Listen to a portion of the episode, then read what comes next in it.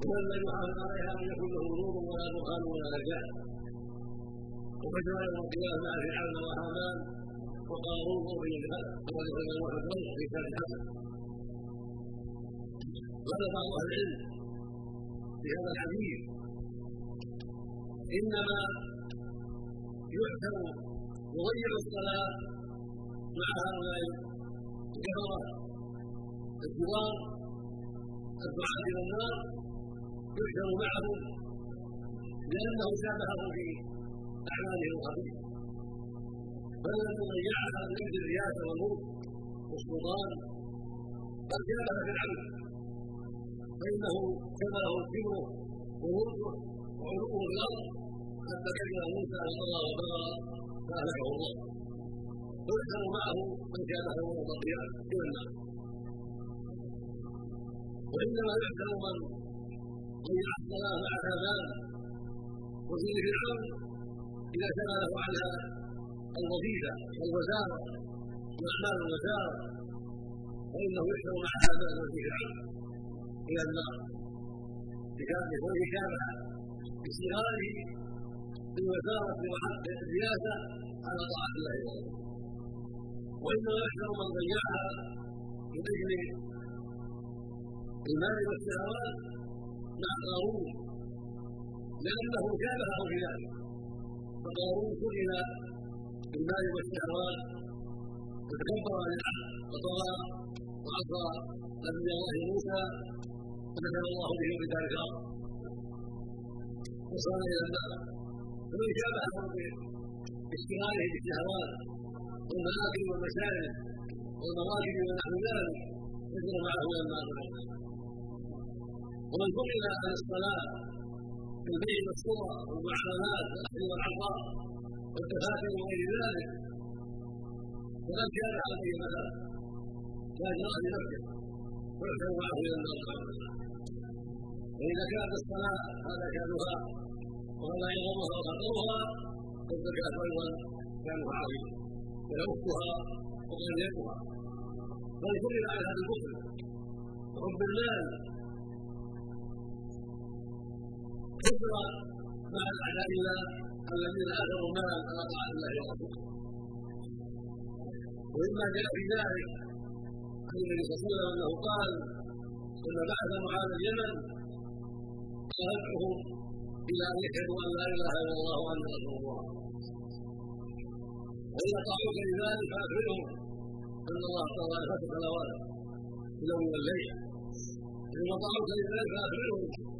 ان الله تعالى صدق تؤخذ من اغنيائهم فطرة فقرائهم هذا يدل على أن الرسل الوفاء والإحسان في حق المالي ينبغي المؤمن ان يعنى به ويحرص عليه حتى يؤديه إلى مستحقيه ومن هذا حديث عمر رضي الله تعالى عنهما. الذي عليه الصلاه والسلام قال امرت ان أقدر الناس حتى يشهدوا أن لا إله إلا الله وأني رسول الله ويقيموا الصلاة ويؤتوا الزكاة. فإذا فعلوا ذلك عصموا من دماءهم واموالهم الا بحق الإسلام فحسابهم على الله. ولذلك هذا الحديث وجه معناه على أن الذي يبخل بالزكاة ويمتنع منها ولا يؤديها يباح دمه يباح قتله لأنه لا يكون معصوم الدم إلا باقام الصلاة وايتاء الزكاه ولهذا لما امتنع بعض العرب بعد موت النبي صلى الله عليه وسلم من الزكاة قتلهم الصحابة حتى يؤدوها فإن العرب الكثير من العرب لما توفى النبي عليه الصلاة والسلام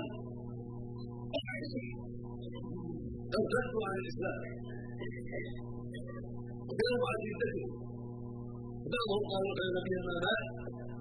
وجهل ان الانبياء ماتوا قبله عليه الصلاه والسلام وبعضهم قال هذه الزكاه لا نؤديها وبعضهم ارتد بانواع وامر القبول في الناس. رضي الله عنه وارضاه وحث الصحابه على قتاله حتى يدخلوا في الإسلام. كما خرجوا منه فراى له عمر في ذلك قال له كيف تقاتل وشهد أن لا إله إلا الله محمد رسول الله. قال ان تقاتل الناس حتى يشهدوا أن لا إله إلا الله وأن محمد رسول الله. إذا فعلوا ذلك حقوا دماءهم واموالهم بحقها. قال الصديق رضي الله عنه لا يجوز الزكاة من حق لا إله إلا الله. والله لو اكلن من فرغ من الصلاه والزكاه والله لو منعوني عقالا وفي لفظ عذابا كانوا يؤدون إلى رسول الله صلى الله عليه وسلم على مدحه قال عمر كما هو إلا عرفت ان الله قد صبر ان يحمي القتال فعرفت انه حق اتبع الصحابة على هذا. وقاتلوا المرتدين وجاهدوا في الله جهادا عظيما حتى أدخلوا في الإسلام. ثم خرج إلا من تركه الشقاوه وقتل على ردته نعوذ بالله من ذلك من سيد الكذاب وجماعه من الجماعه وجماعه من بني اسد وجماعه وجماعات غيرهم مروا في كفرهم فقتلهم الصحابة حتى قتلوه وهدى الله من هدى منهم من بغيها فالحاصل الخلاصة أن الزكاة مكانتها عظيمة في الإسلام.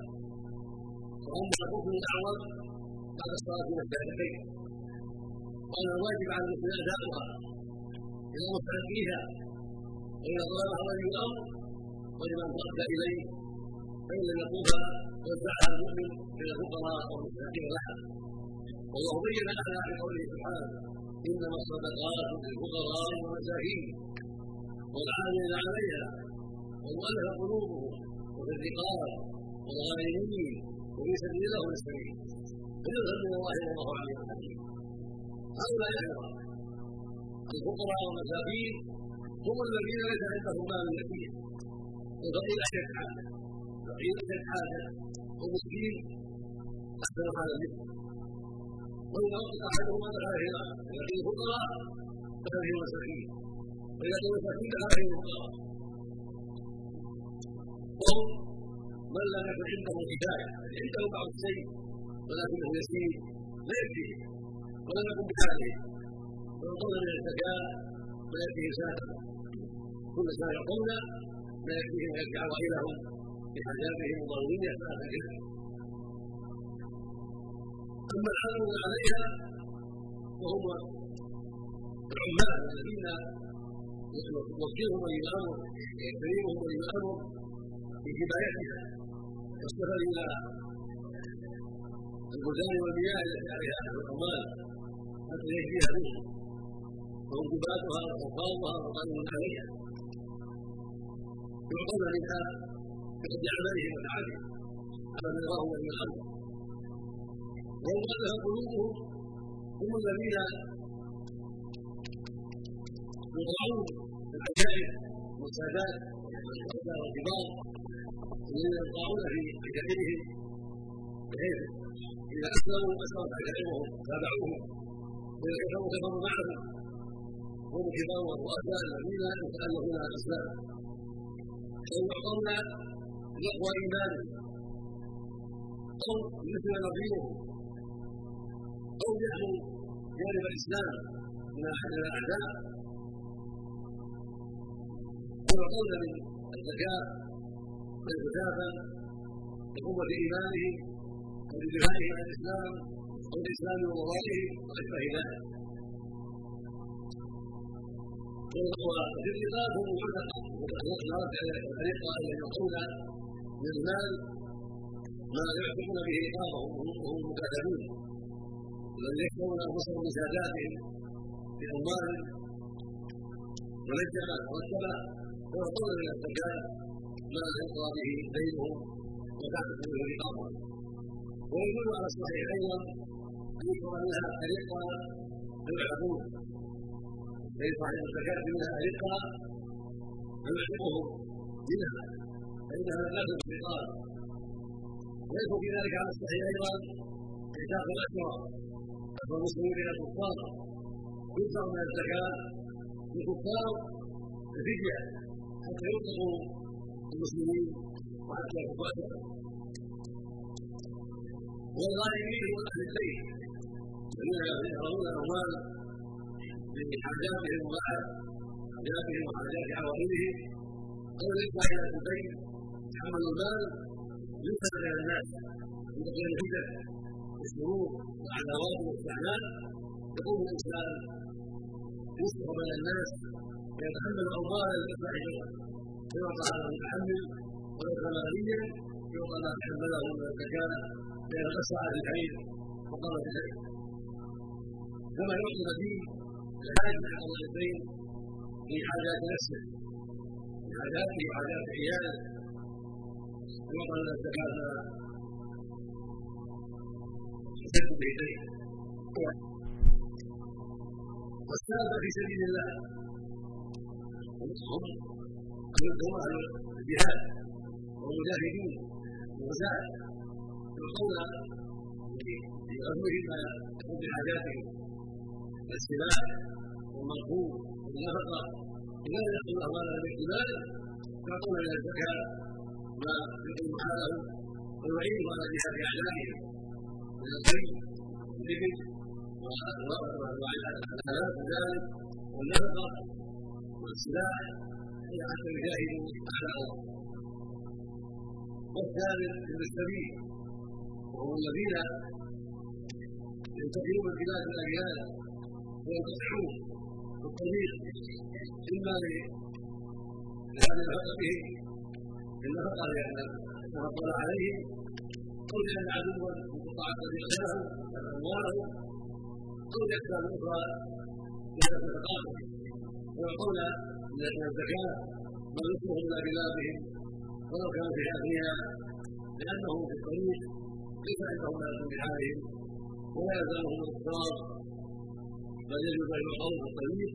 ويسد حاجتهم إلى أن يكونوا بلاد التي فيها أموال الزكاة فيها خير عظيم. ومصالح جنة للمسلمين. في صفها بغير جهة الزمان فلها أثر عظيم في كفاية الناس وإعانتهم على ما رضي الله عليهم وتخفيفهم ما يدخل عليهم من الديون. وغير ذلك مما يهمهم الرقاب وجود المجاهدين بما يعينهم وجعل في أبناء السبيل إلى غير ذلك مما يدخل في الأصناف والثمانية هذا الله ومن إحسانه إلى عباده حيث جعلهم متعاونين وليهم يساعد فقيرهم فيتعاون الذي والتقوى مما اعطاه الله وفي خلق الزكاه شكر لله على ما احسن اليه وهو سبحانه محسن متفضل من شكره عليك ان تؤدي الزكاه وإن تحمد الله جعلك تعطي ولا تأخذ قال النبي عليه الصلاة والسلام اليد العليا خير من اليد السفلى خير من اليد السفلى واليد العليا هي المعطيه هي المنفقه والصفة الآخرة الثانية سبحانه الله أن جعلك صالح اليد العليا تنفق وتحسن وتدوم وتدوم على عباد الله. ثم في الزكاة يطهر هنا يطهر لماذا وزكاة الزكاة لماذا ويكون كل من الآخرة وتحفظ بها المال. وتحفظ بها المال. وتحفظ بها الأمن خذ الاموال الله تعالى خذ الاموال صدقه تدعوهم وتزكيهم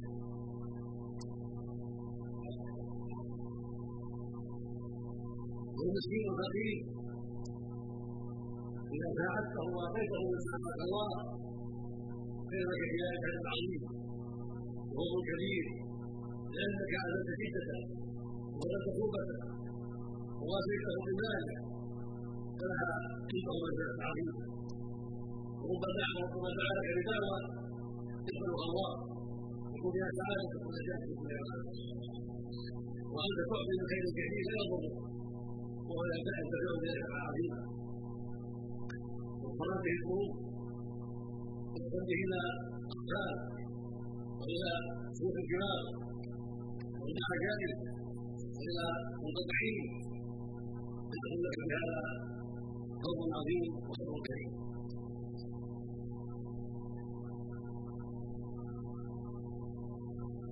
وعد الله سبحانه بالبقية للزكاة ولا يؤدي حقها قال عز وجل والذين يجدون الذهب والفضه ولا ينفقونها في سبيل الله فنجزيهم بعذاب اليم يوم يقال على أهل الجنه وتقوى بها جبالهم وذنوبهم وظهورهم هذا ما فاتوا انفسكم وذوقوا ما كنتم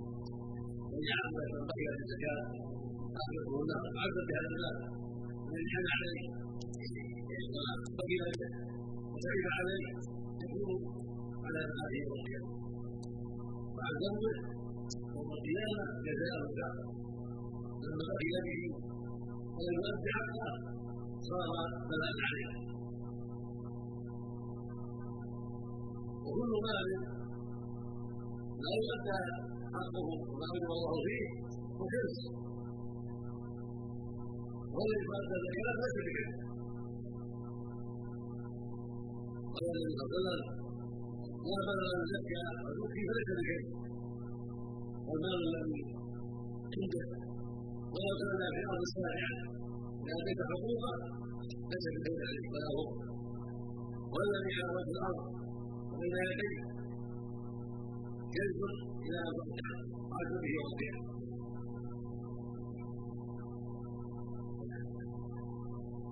وسبحان النبي عليه الصلاه والسلام انه قال من صاحب الذهب ولا فضه لا يؤدي حقها ولا زكاتها الا اذا كان يوم القيامة. فتحت له صفائح النار.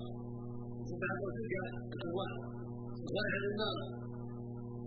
يلقى بها جنبه ويدعوه الله. هنا مرت بينه. وغادت في يوم كان مقدار رسول الله ثم إلى سبيله اما إلى الجنه واما إلى النار من صاحب الكبر لا يؤدي حقها. إلا بصفتها الخالقه وضعه بكتابها وتعرضه باخبارها كلما مرت عليه اخراها زادت عليه ذلك إذا من كان مقداره في نفسه ثم لا سبيله الا إلى واما إلى وما من صحيح الأرض أو غنم لا يؤدي زكاتها ولا حقها إلا إذا كان يوم القيامة. إذا على بقاع الأرض وهو عليه. كعبدها تضعه كأغلافها وتنطفه بقرونها إذا مرت عليه أخراها على ذلك فلان إن يوم كان مقداره ألف سنة ثم لا صار كبيرا من الجنة وإما إلى النار هذا وعيد عظيم هذا وعيد عظيم يدل على جلال الخطر في المخرج الزكاة وعدم أدائها وانها يوم القيامه شر عليه وبلاء عليه وقال النقود والثمار والابل والبقر والغنم كلها بعد فيها يوم القيامه الابل والبقر بين ذلك العذاب والذهب والكلاب كما في ظاهر الأرض نسال الله العافيه وما بينه الرب عز وجل في كتابه العظيم علينا في وأن نتواصى بهذا الأمر العظيم علينا أن نتواصى بأداء حق الله وأن في ذلك وأن نذكر بالله من الغفل وأن الذكر تنفع المؤمنين والزكاة واضح والصلاة واضح والاستسلام واضح ولكن الإنسان يغفل ويزيد على قلبه كثير من الذنوب وتكثر عليه الطاعات وتسمع عليه المعاصي بسبب تسليم الشيطان ونظام الشيطان. حتى عن الله تعالى يدخل عليه يسمع الله بالمال والمال وحتى يدخل عليه طاعة الشيطان. والسير مع شيطان الشياطين سوى الجهل وقبله والظلال والظلال والشهوات على قلبه وقلة الجليس الصالح وكثرة الجليس من الجلد والواجب التفكير بالله والله يقول ذكر فإن الذكرى تنفع المؤمنين فيقول ذكر إنما أنت مذكر فالله ذكر أصحابه ولا يقول الصحابي عند العلم يعني هذا لا رايت منه شيئا من التغيير والتساهل أو ظهر كثير من الغفله والاعراض فانصح هذا وذكره بالله كله بالعبارات الحسنه كله طيب يتضمن العفو عليه والخوف عليه. وحرص على نجاته وسعادته فأخذ من النصح وذكر ونبه ويسأل أخوك من غفل عنه وأرضى عنه وجابه ولكن في الحقيقة ولم ينصحه لم يعلم ويذكر يدعوك إلى الله. يبين لك طريق النجاة حتى تسلكه ويصدق طريق الهلاك ويبين لك حتى تنتهي ولا تيأس ولا هذا عن الكيف ما ينبغي ولا لا الله يقول ولا روح الله فإنه لا تخافوا رحمة الله فكم من مجرم رب العالمين الله عليه يمين الله عليه يمين وهو على بغفلة الذي سكرته وطاعة الشيطان ثم يوفق من ينفقه ويربه ويدعو إلى الخير فينتبه ويدعو إلى لنفسه فيهديه الله ويرجع إلى الصواب ويحمد الله لا يموت فيغفر الله له ويكفر سيئات النار فلا تيأسوا ولا تحزنوا الآن يكتب الإخوان الآن الصلاة المغرب قال في يوم وقال إن جئت مسجد الخير بكفر والإخلاق من على صلى ويكفي ما يقول هذا أمر لا يكفر عليه والأمر يحتاج إلى تناصر وتعاون ولا يقال لها إلا التكفير عليها واجب عظيم وهي مسؤولة عن تقصيرها ونسأل الله لها العمل والتوفيق ولا هدي والعمل ولكن عليه واجب عظيم وهو مسؤول أكبر وعلى كل مسلم وعلى طالب العلم وعلى العلماء ومرسول على المسلم والمنصوب بإنكار المنكر الخير ولو أن الناس تعاونوا وتكافئوا وتواصوا بالحق فقد اختاروا خير الخير؟ بأسواقها من يضيع الصلاة. يجلس والناس يصلون تقام وهو على المسجد. جالس على يذكر يذكر بالله ويتكلم عليه. كل واحد. كل واحد يمر عليه. يسترجع. على تتقي تخاف الله تسال الله في جالس حتى لو مسائل حتى لو كان ما يسال على الناس يموت يسال على الناس فهو نافع ليس من ذلك على الناس اكراه يعمل الكفار مر على رجل صلاه الفقراء فلم يقم فقال الا تقرا المسلم وامر على الناس ويفعل ما صلى وفي صلاه وفي صلاه الفجر في منى في حديث الوداع قال قال بعض يا رسول الله إنه لنا غير ما صلى معنا فدعا به فجئ إلى فرع وراسه فقال له له ما منعكما ان تصلي معنا قال يا رسول الله قد صلينا في رحالنا وما تفعل إذا صليتما في رحالكما ثم تفقد يوم رسولي فلم ينام هذا؟ هو ذلك إذا مسنا القدر ويكسر الناس معنا الصلاة لقد كان من أولها ثم لا ويقول وإذا توجه بها قضى بعد ذلك وكان له نافلة ولما أخبر النبي صلى الله عليه وسلم عن بعض الأمراء الذين يؤخرون صلاة الأوقات كذا قال للسائل ولد الصلاة لوقتها فإذا أدركت معه فصلي صل معه ولا تقل صليت ولا صلي صلى أول في الصلاة وسلم ثلاثة هؤلاء الذين يجلسون ينكر عليهم ولو قالوا صليت ولو كان قد يكون كذلك ولو قصدوا نعم ولو كنت صليت لا تجلس الناس يصلون في المسجد أو المسجد هم تختفي عن الكلام إذا صليت كنا صلى مع الناس كنا ثلاثة ولا تجلس على الناس. نصا باب الكتابة والمؤلفين واصحاب التدافع عن الصلاة. بل سارع الصلاة وصلي مع اخوانك وتكون لك نافله أو لا تعجل لا تفعل. من هذه صلاته حتى يخرج الناس. وينبغي للناس ان تكون صلاتهم متقاربه وللائمه والمساجد ان تكون صلاتهم متقاربه حتى لا يحتاج المتكاسل ومفرق بانه صلى في كذا أو صلى في كذا. المقصود التعاون. المقصود التعاون إلى التقوى والتواصل بالحق. الله أكبر سبحانه عن عباده الرابحين الناجين السعداء ان يتواصلوا بالحق والصبر فقال سبحانه والعصر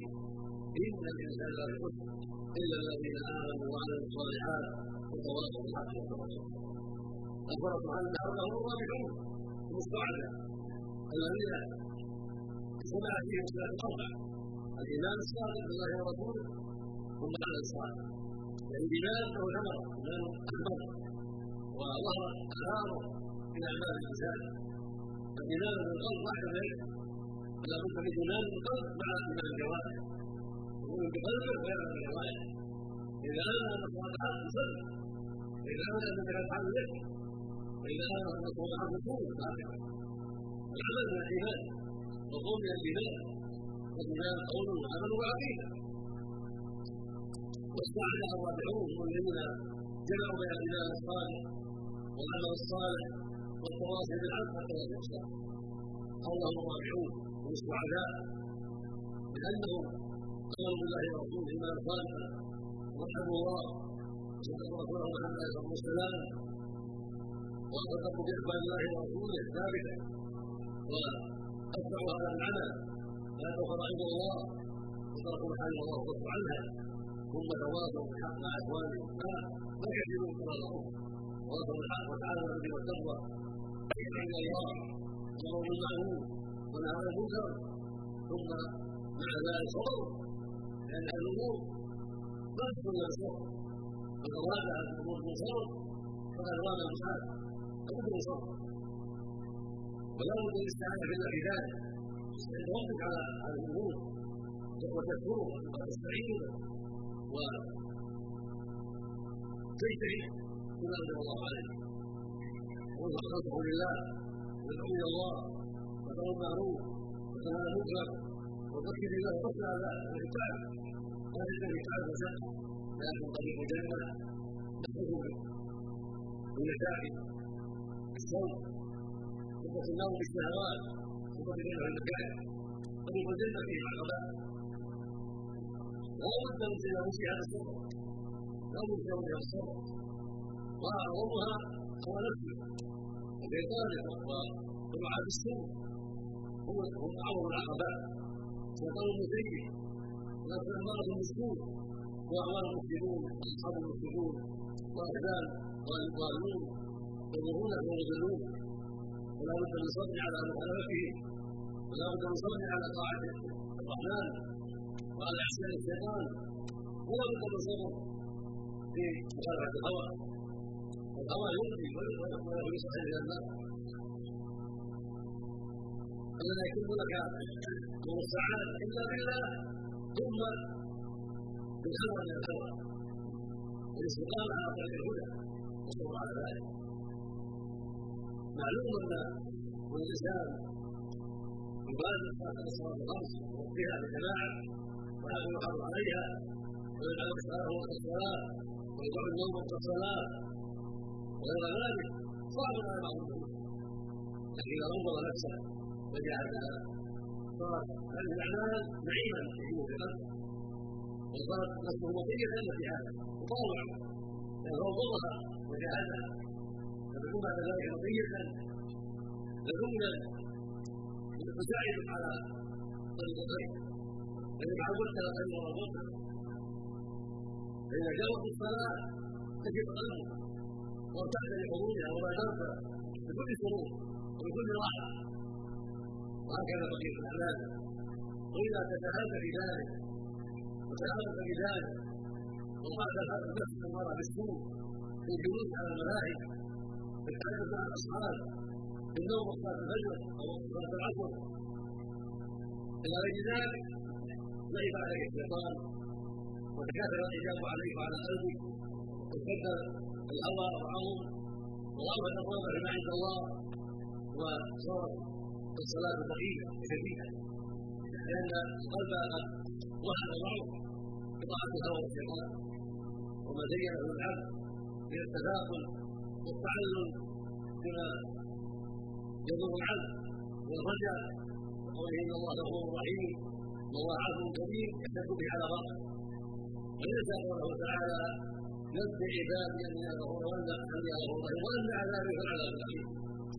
وليس قوله تعالى قابل الذنب وقابل التوب في العقاب وغفور رحيم فتاب إليه واناب وعظيم العقاب كبير العقاب عظيم الانتقام لمن تعاون على الحق والكتاب صدق الله به الحكم والهدايه ووفقنا واياكم للتوفيق وهدانا صراطه المستقيم وعلمنا ما ينفعنا واعاننا على طاعة ربنا وعلى أداء حقه وجعلنا جميعا من العافيه والتقوى ومن التواصل بالحق والصبر عليه